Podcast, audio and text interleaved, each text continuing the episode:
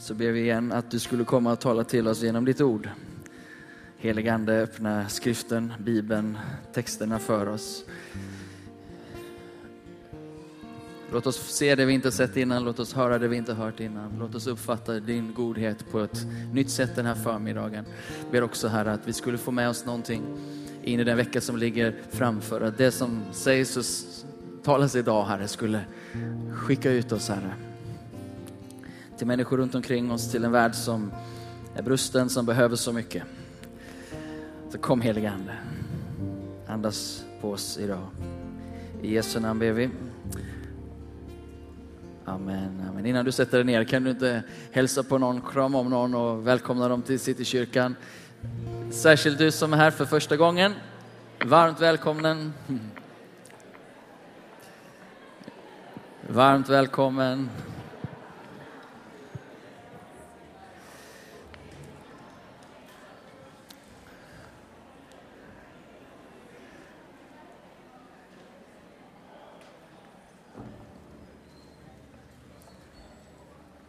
Och tack ska ni ha, lovsångsteamet, för att ni banar väg för oss. Kan vi inte uppmuntra dem också, hela gänget här? Tack ska ni ha.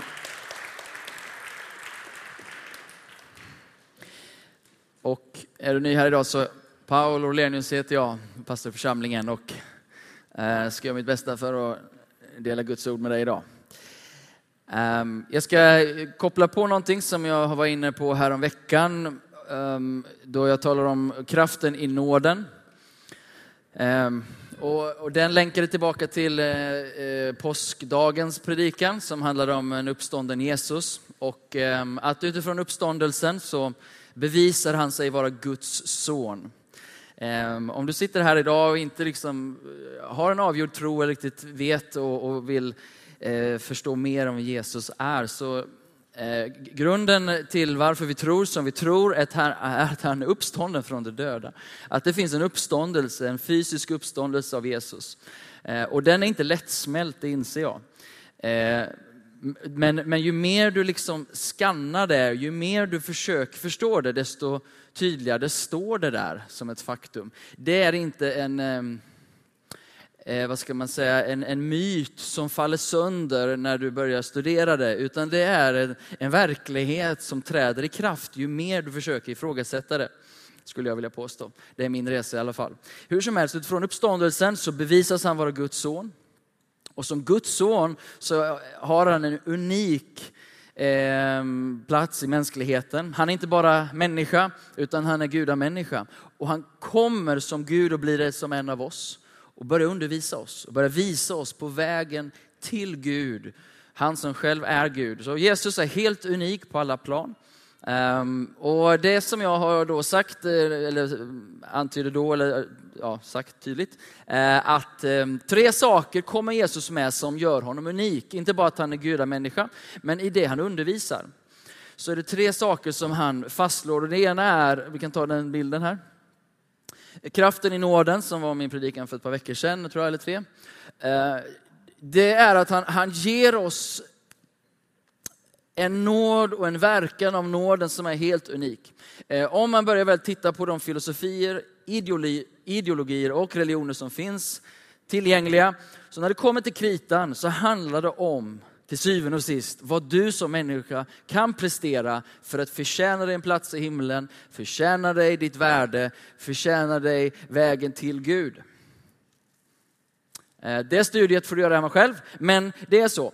Det som skiljer Jesus från är att det handlar inte om vad människan kan prestera för att nå upp till Gud eller till nirvana eller vad du vill kalla det. Utan det kristna budskapet i Jesus är att Gud själv stiger ner och blir så som en av oss.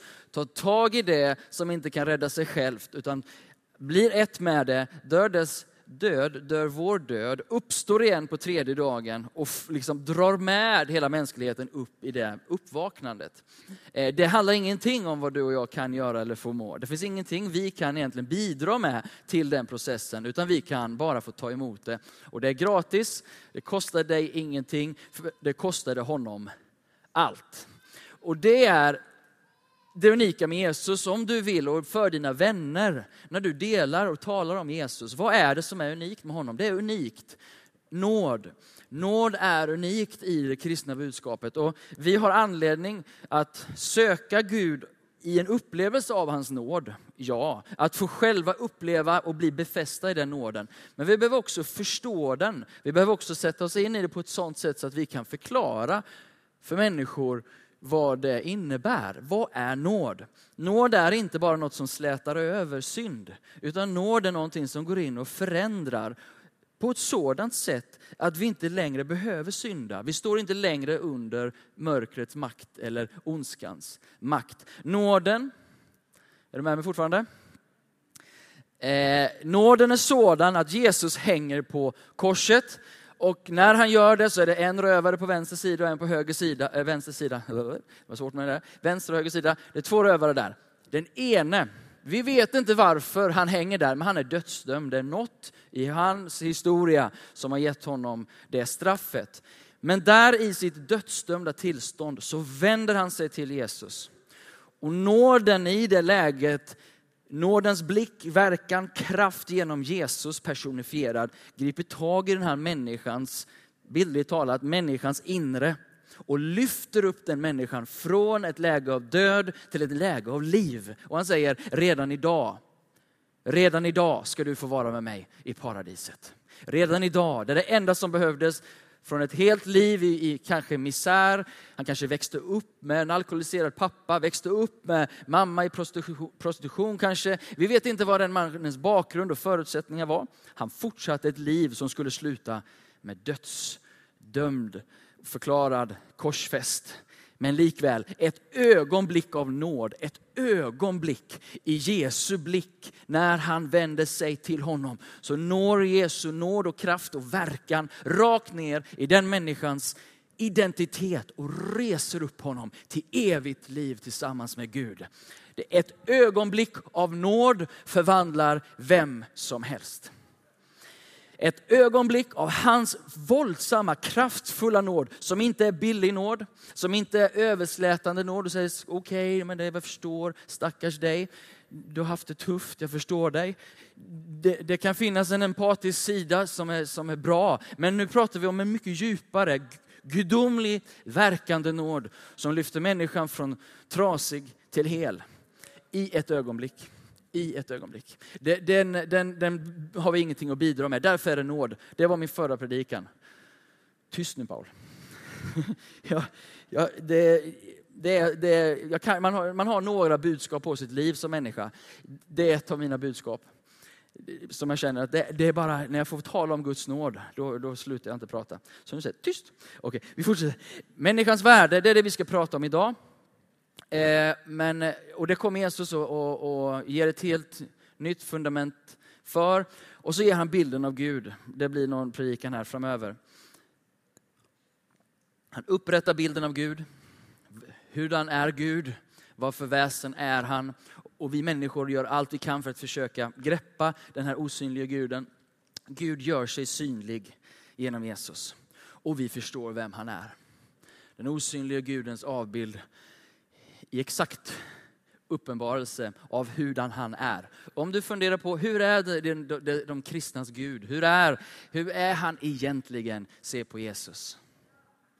Se på Jesus. Har du problem med Jesus har du problem med Gud. Men, men har du, ser du någonting i honom så har du en aning om hurdan Gud är. Gud är dock mer, för han är osynlig och allting. Men i honom så ser du hurdan han är. Så eh, eh, om, du, om du har någon som vill lära känna Guds bilden eller hur är, hur är Gud, då har vi det i, i sonen, i Jesus. Det blir den senare predikan. Okej, okay, och nu är vi inne i det som är människans värde. Och jag, och jag menar att det är angeläget att prata om det här om och om igen. På grund av vår, vår samhälls, eh, där vi är som, som, som Sverige och, och västvärld.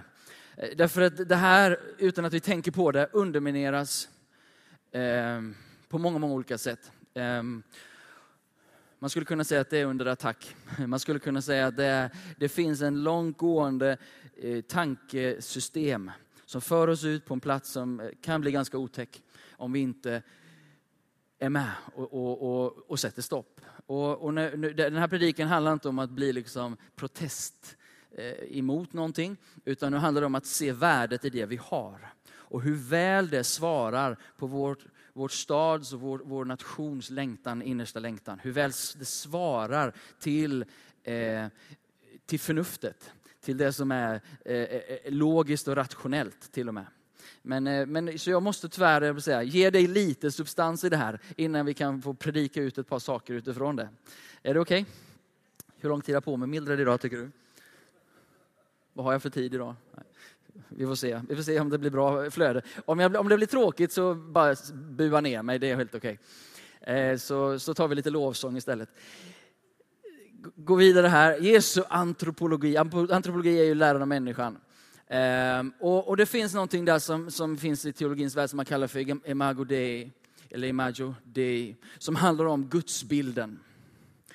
Och, och, och, när det kommer, om vi bara liksom väldigt tydligt kommer till kärnan av det Jesus kommer och, ger oss och, och, bekräftar, det är att människan är skapad till Guds avbild.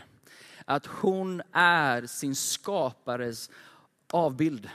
Där i hennes varande, innan hon hinner säga blä, eller mamma eller blä, du vet ingenting, innan hon hinner bajsa i blöjan. Va? Så har hon ett värde för att hon återger skaparens härlighet.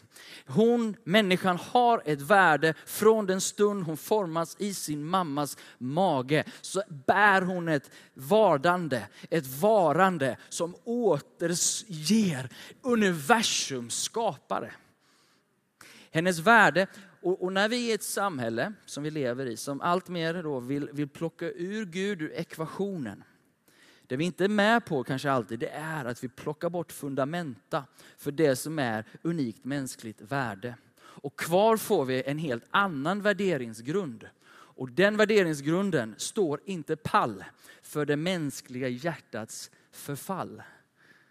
Det var ju snyggt sagt. Det bara kom där. Um,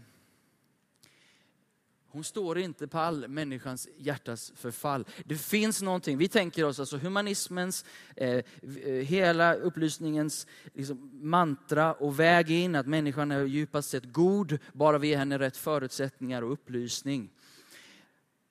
Det går ju ganska enkelt motbevisa, för det är inte den samlade kunskapen som gör människan god. Det är inte det, utan det kan gå åt precis åt håll tvärtom. Va? Det kan vara så att ju mer kunskap, desto mer makt har du och desto mer vidrig blir man. Det kan vara så att med kunskap så får du insikt och därmed väljer bättre. Men det är inte absolut nödvändigt så. Om vi går vidare nu här då. Det här är ju en fin staty. Om ni ser den i solljuset. Det var en fin staty skulle man kunna säga. Någon gjorde en avbild av någon. Och den avbilden har blivit brusten och tilltufsad. Och jag gillade den bilden här för att vi ser hur, hur, hur själva jacket går rakt ner på en öm punkt i människan. Bibeln säger att vad du må bevara må du bevara ditt hjärta, ty där utifrån går livet, utgår livet. Livet utgår från hjärtat. Vi brukar säga att det, eh, hjärtat av människans problem är problemet med hennes hjärta. Och när hjärtat blir trasigt så blir världen trasig. När identiteten är brusten så hanterar vi vår omgivning på ett sådant sätt att den blir brusten. Så när Gud ser på människan idag så är hon en brusten avbild. Det är det Jesus ger oss. Sin antropologi, sin lära om människan är att hon är skapad med ett oersättligt värde men hon är brusten. Bilden är brusten, den är till och med kanske avhuggen, vi kanske känner oss huvudlösa. Men hon är till sin grund skapad till att bära ett värde, att representera Gud på jorden. Okej, okay, är ni med mig så långt? Det är lite föreläsning idag, men det tycker vi är roligt ibland. Eh, vi har pratat om den här linjen tidigare. Hur vi eh, både som kyrka men som värld eller som väst, västsamfundet i alla fall, hur det funkar här. Eh, att vi har delat upp våra, våra olika världar. Och då har vi pratat om det osynliga och det synliga. Hur vi har tenderat att vår eh, vår, våra värderingar, om vi trycker vidare, och vår tro. Och sen så skulle man kunna prata om att det länkar med in ett postmodernt sätt att tänka, om vi, om vi målar ut alltihopa här. Så jag kommer ihåg vad jag skrivit. Ehm, men, vi lever i en tid när vi har gjort ganska starka skiljelinjer mellan det som är synligt, det som är mätbart, det som är fakta och vetenskap. Det som var modernismens grund och resultat. Att vi, vi, vi, vi funderar inte så mycket på vad de, de abstrakta, eh, icke-mätbara värdena är, utan vi väljer att gå ner och definiera värden utifrån det som är synligt. Och sen försöker vi någonstans baka in det andra i detta och säga, nej men, där utifrån hittar vi våra värderingar. Där utifrån hittar vi vår tro. Där utifrån så liksom lever vi i den här vetenskapliga, naturalistiska boxen. Problemet med det, det har jag sagt innan jag predikat om det, att det funkar inte i realiteten. För vi är ande, själ och kropp. Människan är skapad till Guds avbild som en andlig varelse, själslig varelse och en kroppslig varelse. Så om du stänger in människan i en synlig faktabox och så ska du försöka hämta värderingarna in i till exempel sjukvården. Eller hitta in värderingarna i hur vi ska ta hand om de äldre på äldre, när, de, när de inte längre är funktions, liksom bidrar till samhällsekonomin. Eller, eller ett litet barn som verkligen Förstår du? Allt det här ska vi försöka ta fram värderingar från utifrån en endast biologisk synlig världsbild. Det håller inte. Är ni med mig? Vi, därför, så vad man gör då, om vi går vidare, eh, det är att man börjar låna från den övre världen så att säga och försöker putta ner i, i, i den synliga världen. Men, men det funkar inte. Så när, när den synliga världen ska försöka definiera ett, ett mänskligt värde, då är hon i grunden en biologisk varelse. Hon är något mer utvecklad än djuren. Och vad hon egentligen gör är att hon kämpar för sin överlevnad och sin utveckling. Och i övrigt så har hon inte något reellt, någon reell mening eller någon reell framtid. Du, du, du, du, du föds och du dör och bortanför det så har du inte mycket hopp för din varken framtid, evighet, utan det är ungefär däremellan. Va? Du kommer från ingenting och du är på väg till ingenting och däremellan försök överleva. Och möjligtvis utvecklas på något plan, på något sätt. Jag är hoppfullt. Där jag skrev, läste en bok och det var en rubrik, Why Atheism is Boring.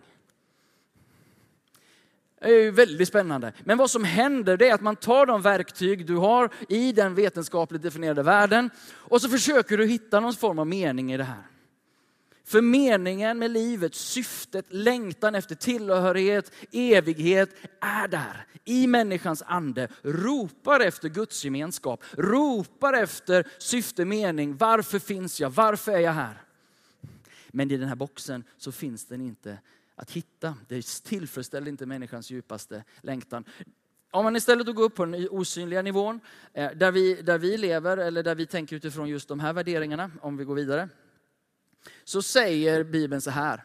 Psaltaren 139, det här är väldigt grundläggande, men jag försöker applicera in det i någon form av samhällsförståelse för att du och jag sen ska kunna gå ut och möta människor och dela evangeliet på ett förnuftigt sätt. Du har skapat mina njurar, säger Bibeln. Du vävde mig i moderlivet. Alltså Gud, han vävde ihop dig i moderlivet. Det är en biblisk människobild. Jag tackar dig, säger David, att jag är så underbart skapad. Vilken ansats till att leva utifrån. Från moderlivet, underbart skapad. Här är jag. Världen, Gud har skapat mig så här. Underbara är dina verk. En skön självkänsla just där. Ja, jag, ja, men jag är ju rätt bra. Min själ vet det så väl. Duff. I det här rummet, ni som följer Jesus, ni som tror på Bibeln, ni som tror på en biblisk världsbild. Låt det gå in. Tänk att få leva på den platsen med vetskapen om att jag är underbart skapad av Gud själv. Du är hans avbild. Om än tilltufsad, Kanske, det kanske är så att en arm saknas, vad vet jag. Men, men Gud håller på och bygger upp dig och väver dig, formar dig och återställer dig till den som bär hans avbild i den här världen. Underbar. Benen i min kropp var inte osynliga för dig när, du, när jag formades i det fördolda. När jag bildades i jordens djup. Dina ögon såg mig när jag var ännu ett foster. Där ligger människans värde nedlagt. Alla mina dagar blev skrivna i din bok, formade innan någon av dem hade kommit. Och på grund av det här, så kan vi läsa nästa bibelord, så älskar Gud världen och människorna där i så högt att han utgav sin enfödde son. Så högt att han väljer att låta sig själv bli så som en av hans underbara verk. För att var och en som tror på honom inte ska gå förlorad i sitt brustna tillstånd utan Gud. Utan istället få ha Gud och evigt liv på insidan. Gud sände inte sin son till världen för att döma världen. Utan för att världen skulle bli räddad genom honom. Det är evangelium. Att Gud ser människans brustna tillstånd, tar sig fram till henne och räddar henne och lyfter henne på grund av sitt oersättliga värde. Översätter vi det här in i den här andra modellen, vi går vidare, så har vi osynliga värderingar, tro och det som man skulle kalla för det postmoderna. Och vi går vidare lite till här. Och lite till där. Det innebär kontrasten, det är det jag är ute efter.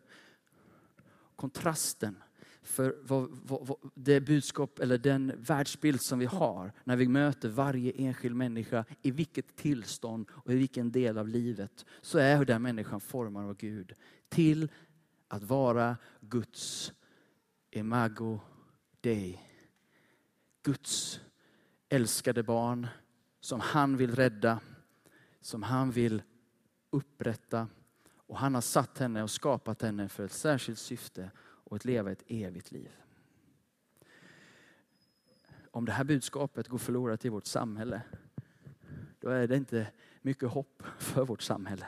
Om vårt samhälle ännu mer drar sig in i en biologisk vetenskap, förklaringsmodell av mänskligt värde. Och det här är inte bara alltså det här är inte långt borta. Vi har vetenskapsmän på höga poster inom universitetsvärlden som definierar mänskligt värde utifrån en strikt biologisk hållning det mänskliga värdet. Ditt värde och vi som människor, din själ och din ande, allting vad vi är, det är bara en enda hjärna som har massor elektriska impulser som pågår just nu. I en strikt vetenskaplig värld. Men Gud, genom Jesus Kristus kommer och har ett helt annat budskap. Han har med ett helt annat, en helt annan ingångs, ingångsvärde och han har inte bara en predikan utan han har ett liv att visa det med. Han går hela vägen.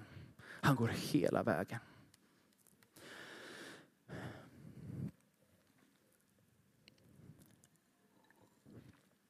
Människans tillstånd utan Gud, om vi går vidare. Så i Johannes 3, och vi läste Johannes 3 och 16 innan, så eh, att Gud älskar människan och vill rädda henne. Är du här och, och, inte känner till det kristna budskapet, det är Guds utgångspunkt. Att han älskar dig för att han har format dig och han vill rädda dig, hjälpa dig, lyfta dig. Eh, Jesus säger så här, på frågan eh, om evigt liv så säger han så här, Jesus säger dig i sanningen, den som inte blir född på nytt kan inte se Guds rike. För den som inte blir född av vatten och ande kan inte komma in i Guds rike. Det som är fött av kött är kött och det som är fött av anden är ande. Viktor, idag har vi fått se dig stiga ner i, i vattnet. ett, ett, en tecken, en, en manifestation sa du, på det som har hänt på din insida. Att lägga av ett gammalt sätt att leva knutet till dig själv och din förmåga. Och upp ur vattnet stiger du, kopplad och förbunden med honom och vad han förmår. För mig är det en gigantisk fråga. Hur i hela världen och varför i hela världen vill man kämpa sig igenom det här livet själv och i sin egen förmåga. Jesus säger, vi kan inte se Guds rike i oss själva. Vi behöver bli födda på nytt. Det som är av ande, det är ande. Det som är fött av kött, det är kött. Den här linjen som vi pratar om. Det som hör hemma under linjen, det som är fött av kött, det orienterar sig kring kött. Men det som stiger upp och få ta del av andlig verklighet, få sina ögon öppnade. Och det sker genom att komma till Jesus. Det är bara han som kan öppna hjärtats ögon. Och då så öppnas det för oss. Och då ser vi det vi inte har sett innan. Då öppnas relationen med Gud och du får leva i den här världen tillsammans med honom så som det var tänkt från början.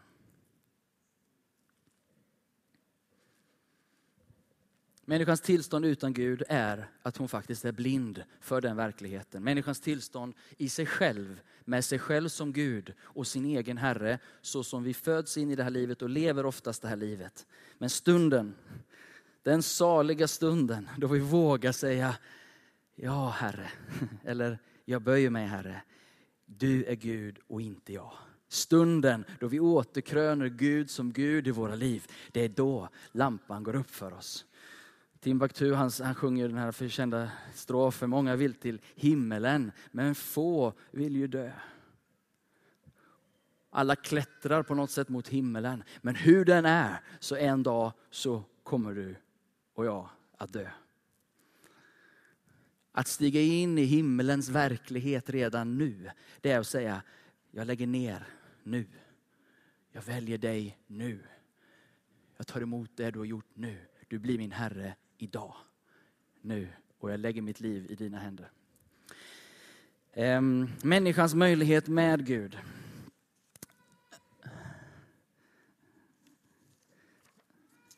Johannes 3 och 7 säger så här. Han fortsätter att prata med Nikodemus som var en lärd man, som han nu pratar med i Johannes kapitel 3. För Nikodemus blir rätt så förvånad över att han ska bli född på nytt och fattar liksom inte hur går det här till? Ska jag bli, komma in i min mammas mage igen? Eh, och naturligtvis inte, utan han pratar om en andlig pånyttfödelse, hjärtats förvandling. Men då säger han så här, var inte förvånad över att jag sa att ni måste födas på nytt. Och här Tänk, det här är människans möjligheter nu då. Människans framtid. Vinden blåser vart den vill och du hör dess sus men du vet inte varifrån den kommer eller vart den är på väg. Så är det med var och en som är född av anden. Och om du går tillbaka till skapelseberättelsen, jag har inte den här på skärmen här, men från när Gud formade människan. I Bibeln, i första eh, i boken, första Mosebok, så finns det två beskrivelser över när människan skapas. Den första, så säger Gud i, i kapitel 1, vers 27. Gud skapade människan till sin avbild, till Guds avbild skapade han henne, till man och kvinna skapade han dem. Och sen så kommer eh, den fortsatta historien och han återberättar hur han skapar för att visa något väldigt viktigt när det kommer till människan. Kapitel 2, vers 7 säger han, Herren Gud formade människan av jord från marken och blåste in livsande i hennes näsa. Så blev människan en levande varelse. Han blåste andens liv in i människan. Och när vi tar emot Jesus och vi blir födda på nytt, då, då får vi del av samma ande.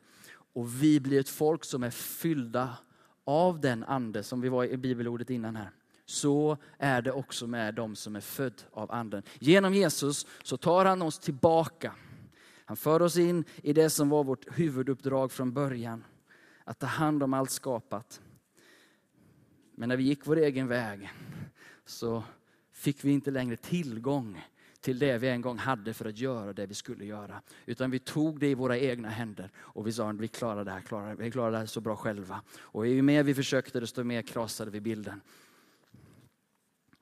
Människans möjligheter att få stiga in i en tid istället att få vara fylld av Guds ande och ledda av Guds ande och frigöra liv genom Guds ande. Att vara ett folk som bär Guds ande och andas liv in i våran stad, andas liv in i våra arbeten, andas liv in i våra familjer, in i våra skolor. Vi är födda på nytt för att bära den helige Ande ut i den här världen. Vi har ett uppdrag att få fortsätta, om du går på den här bilden. Här har du en, en upprättad Imago Deo som har blivit, fått tillbaka sina lemmar, tillbaka med huvudet, ett sunt sinnelag istället för ett kraschat sinnelag. Och plötsligt så händer någonting. När nåden börjar verka i våra liv, när nåden slår in i mitt liv, så blir jag inte lat och frånvarande. Jag blir närvarande och kraftfull mitt liv. Hela, hela muskelpaketet av, andligt, av styrka bara kommer igång. Han blåser på oss. Och uppställer sig Adam. Och genast så börjar han sondera terrängen. Han börjar se att här är en mängd djur som vi behöver ta hand om. Och han undrar, det finns ju bara djur. Jag behöver en kvinna. Var är min kvinna? Han hittar sin kvinna. Och nu så går de ut och så börjar de namnge djuren. De börjar strukturera, sätta ordning och förvalta allt det Gud hade skapat. De får en trädgård att ta hand om. Det finns ett uppdrag fyllda med Guds ande att ta hand om det som är liv och förmera det som har liv. Är ni redo? Att springa ut, att få ära Gud och njuta tillsammans med honom för evigt. Vet ni det? Att det är vårt huvudsyfte. Det är som det står, jag har ju citerat den här gånger, i Westminster katekesen. The chief end of man is to glorify God and enjoy him forever. Och ibland så blir jag, jag tänker så här, hur har vi som kyrka presenterat oss själva? Hur har vi som kristna presenterat oss själva i ett samhälle som tror egentligen många gånger att vi är egentligen bara ett folk av anti. Vi är bara emot. Va?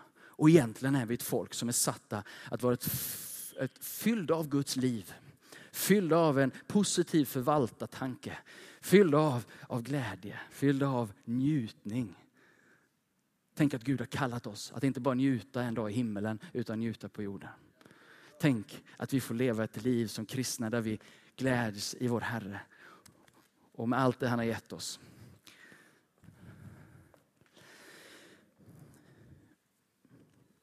Det var lite good feeling på det. Då. Men,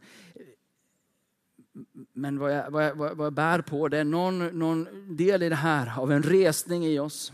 För att vi behöver, vi behövs, vi som Guds folk behövs, vi som, som, som gestalter här. Inte för att tala om vad andra andra har för konstigheter för sig. Men det här att få stå upp för mänskligt värde, att få tala in mänskligt värde oavsett klass, ras, kön, sexualitet, var bråte eller var godhet, vem man hög och låg. Att vi kommer in i varje given situation och vi kommer med en annan världsbild. Vi kommer med en biblisk utsikt. Vi kommer med Jesu ögon. Vi kommer för att ställa oss på den svage sida. Vi kommer att ta deras rätt och fightas för deras rätt. Vi behövs. Vi är satta att vara salt och ljus i den här staden, i det här landet. Vi är satta för att visa på något annat som inte föraktar människor utifrån hur mycket de producerar eller om de är duktiga nog eller vart de än är i ordningen. För det är så här, om du gifter humanism med naturalism om du gifter humanism med evolutionens naturliga urval, då har du klassamhällen. För det är bra, för vi måste ha klassamhälle så att vi kan få fram dem som är mer produktiva och de som är bättre än arbetarklass eller vad du vill. Det här går djupt, djupt in i hur vi värderar människor. Vi, har, vi förstår inte det, men det är så. Vi måste bara kicka ut en naturalism, humanistisk naturalism hjälper oss inte dyft. Som säger att vi tar tillvara på människor när de är av en viss rang eller viss eh, produktivitet. För det här går ju rakt in, för när människor inte längre är produktiva, när de är äldre, när de hamnar på ålderdomshem, då minskar deras människovärde. Då, de kost, då kostar de samhället någonting bara. Det är livsfarligt. Och vad gör vi då? Jo, då, då vill vi inte längre ge dem en människa som ska ta hand om, utan då sätter vi upp en gripande kamera i den där lägenheten som kan tala om om, om, om faster Adga behöver mat eller gå på toaletten och får då vinka. Och då kommer, alltså vi, vi kommer byta ut. Vad kommer vi göra? Jo, vi kommer skicka in hela robotsystemet där. Varför? Jo, därför att det är mindre kost, det kostar inte lika mycket. Det finns väl saker robotar kan göra, det är ju inte det. Vi har ju en robotdammsugare hemma. Det är helt okej. Okay. Men, men ska vi ha, har, vi, har vi inte de här sunda kristna värderingarna som säger varje människovärdes unika mm, rätt. Kom igen. Om du inte behöver fightas, du behöver inte stå och säga, men jag är kristen och jag tycker så här. Nej, men stå upp för människan istället. Ta dess rättigheter. Det är den profetiska dimensionen av det här budskapet. Men vi, måste, vi kan liksom inte, om, om vi simmar ut i det profetiska utan att ha lite bibelord på fötterna och fatta vad det är vi står på, då blir vi liksom ett sånt här flyande, det blir upp och ner och, och så, så känner vi något annat så går vi dit. Och, du vet. Det profetiska behöver inte alls vara så yvigt. Det, det, kan få vara det, bara vi har ordets grund, bara vi står där och vet att när jag ställer mig upp för den här människan så gör jag det med de här, de här grunderna varje människas unika värde. Fött som ofött. Från det att hon har blivit formad till det att hon går in i evigheten så kämpar vi för alla människors värde. Rätt att leva, rätt att ha de grundläggande mänskliga förutsättningarna. Oavsett religion, oavsett värderingar de själva bär, så har vi ett värdepaket som säger att varje människas unika värde. Ytterst sett så är det här en andlig problematik. Därför att det som är kött, det som kommer av köttet kommer vara kött. Lovsångarna kan få. Ytterst sett så kommer köttet som står för den mänskliga ansträngningen inte räcka till. Varför? Jo, därför att seendet i köttet kan möjligtvis hjälpas med ett par glasögon. Men seendet i anden du vet, det, det, det, spelar ingen roll. Du får sätta på hur många glasögon du vill. Linser och hela paketet. Du kan operera. Det spelar ingen roll. Det andliga seendet av förståelsen av vad Gud är och vad Gud gör.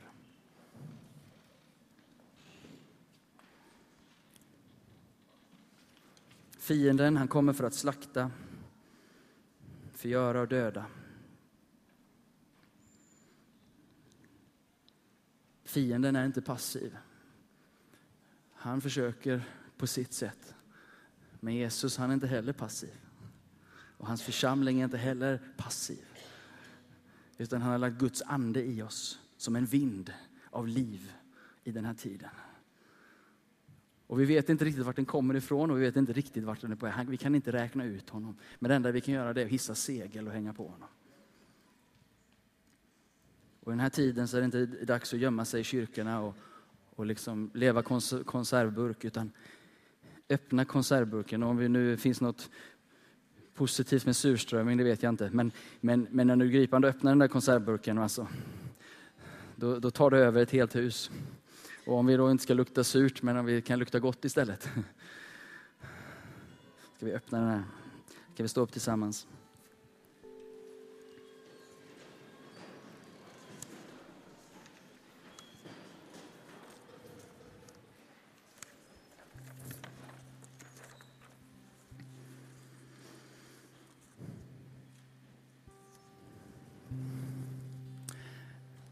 Skulle vi kunna läsa bibelord tillsammans innan du går in i lovsångstexten här?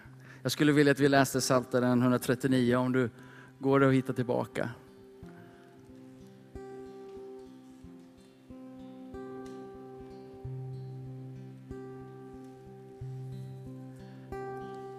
Det är texten där, du har skapat mina njurar, du vävde mig i moderlivet. Jag tackar dig för att jag är underbart skapad. Jag vet inte om du behöver säga det här till dig själv idag.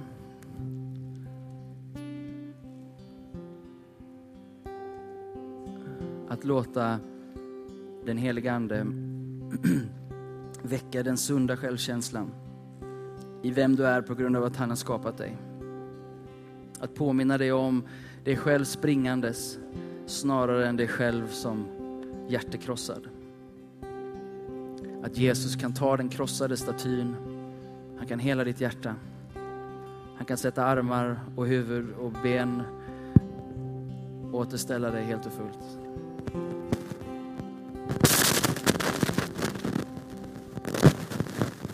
Om du inte läser det här för dig själv.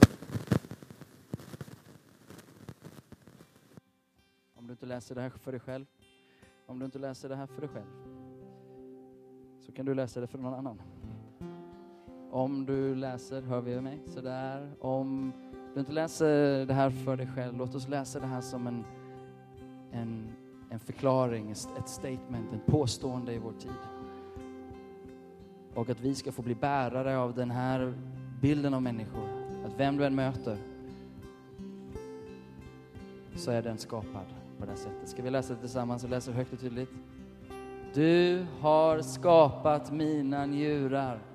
Du vävde mig i moderlivet. Jag tackar dig för att jag är så underbart skapad. Underbara är dina verk. Min själ vet det så väl. Benen i min kropp var inte osynliga för dig när jag formades i det fördolda, när jag bildades i jordens djup. Dina ögon såg mig när jag bara var ett foster. Alla mina dagar blev skrivna i din bok, formade innan någon av dem hade kommit. Amen. Amen. Jag skulle vilja fråga dig som kanske är här för första gången eller, eller aldrig har tagit det här beslutet som, som Viktor gjorde för en tid sedan och som vi idag såg. Men du kanske är här idag som behöver ta emot Jesus som, som din Herre och Frälsare. Låta honom föda dig på nytt, som vi har pratat om, att få ett nytt hjärta. Du är trött på att kämpa i din egen kraft, du är trött på att reda ut livet själv. Idag så har du möjlighet att bli greppad, om du förstår mig rätt, emot, låta dig tas emot av honom. Vi kan väl bara göra så att vi sluter våra ögon i kyrkan allihopa. Och så medan vi, vi blundar och vi ber för, för dig som idag, den här söndagen, behöver den här, det här livet tillbaka. Du behöver att Gud andas på dig och du behöver bli född på nytt. Du behöver få dina ögon, andliga ögon öppnade och en relation till Gud återställd. Om du är här idag och inte har gjort det tidigare så skulle jag vilja utmana dig just nu.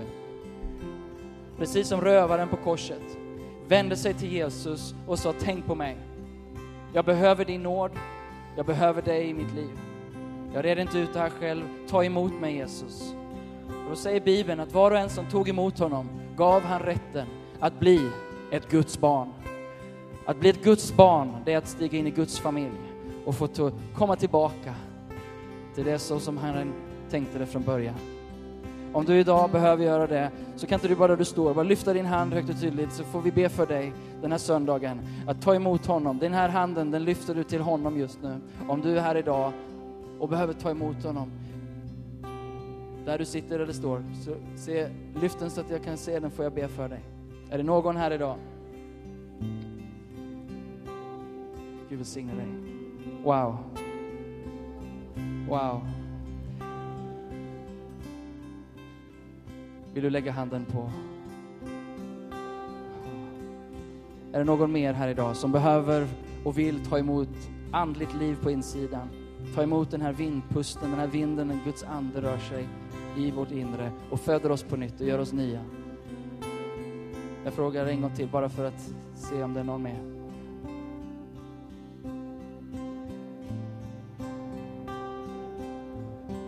Då skulle jag vilja be att alla vi här idag som, som känner Jesus, be för, be för den här kvinnan som har tagit emot, sträcker ut sin hand just nu. Vi ber för, för dig just nu. Vi tackar dig Gud, att för henne dog du på korset uppstod igen på den tredje dagen för att hon skulle få leva tillsammans med dig för evigt. Tackar dig för evigt liv som öppnar sig från himmelen just nu in i hennes inre och hennes hjärta. Tack att du är den som kan förvandla ett mänskligt hjärta. Du kan ta och göra det som är brustet helt. Och vi tackar dig för det du gör just nu. Vi välsignar hennes eh, dag och hennes framtid, hennes familj. Tackar dig för att du har gått för henne. Tackar att det finns så mycket som du vill visa och göra för henne. Kom helige Ande, låt henne få känna dig som sin Gud I Jesu namn ber vi. Amen.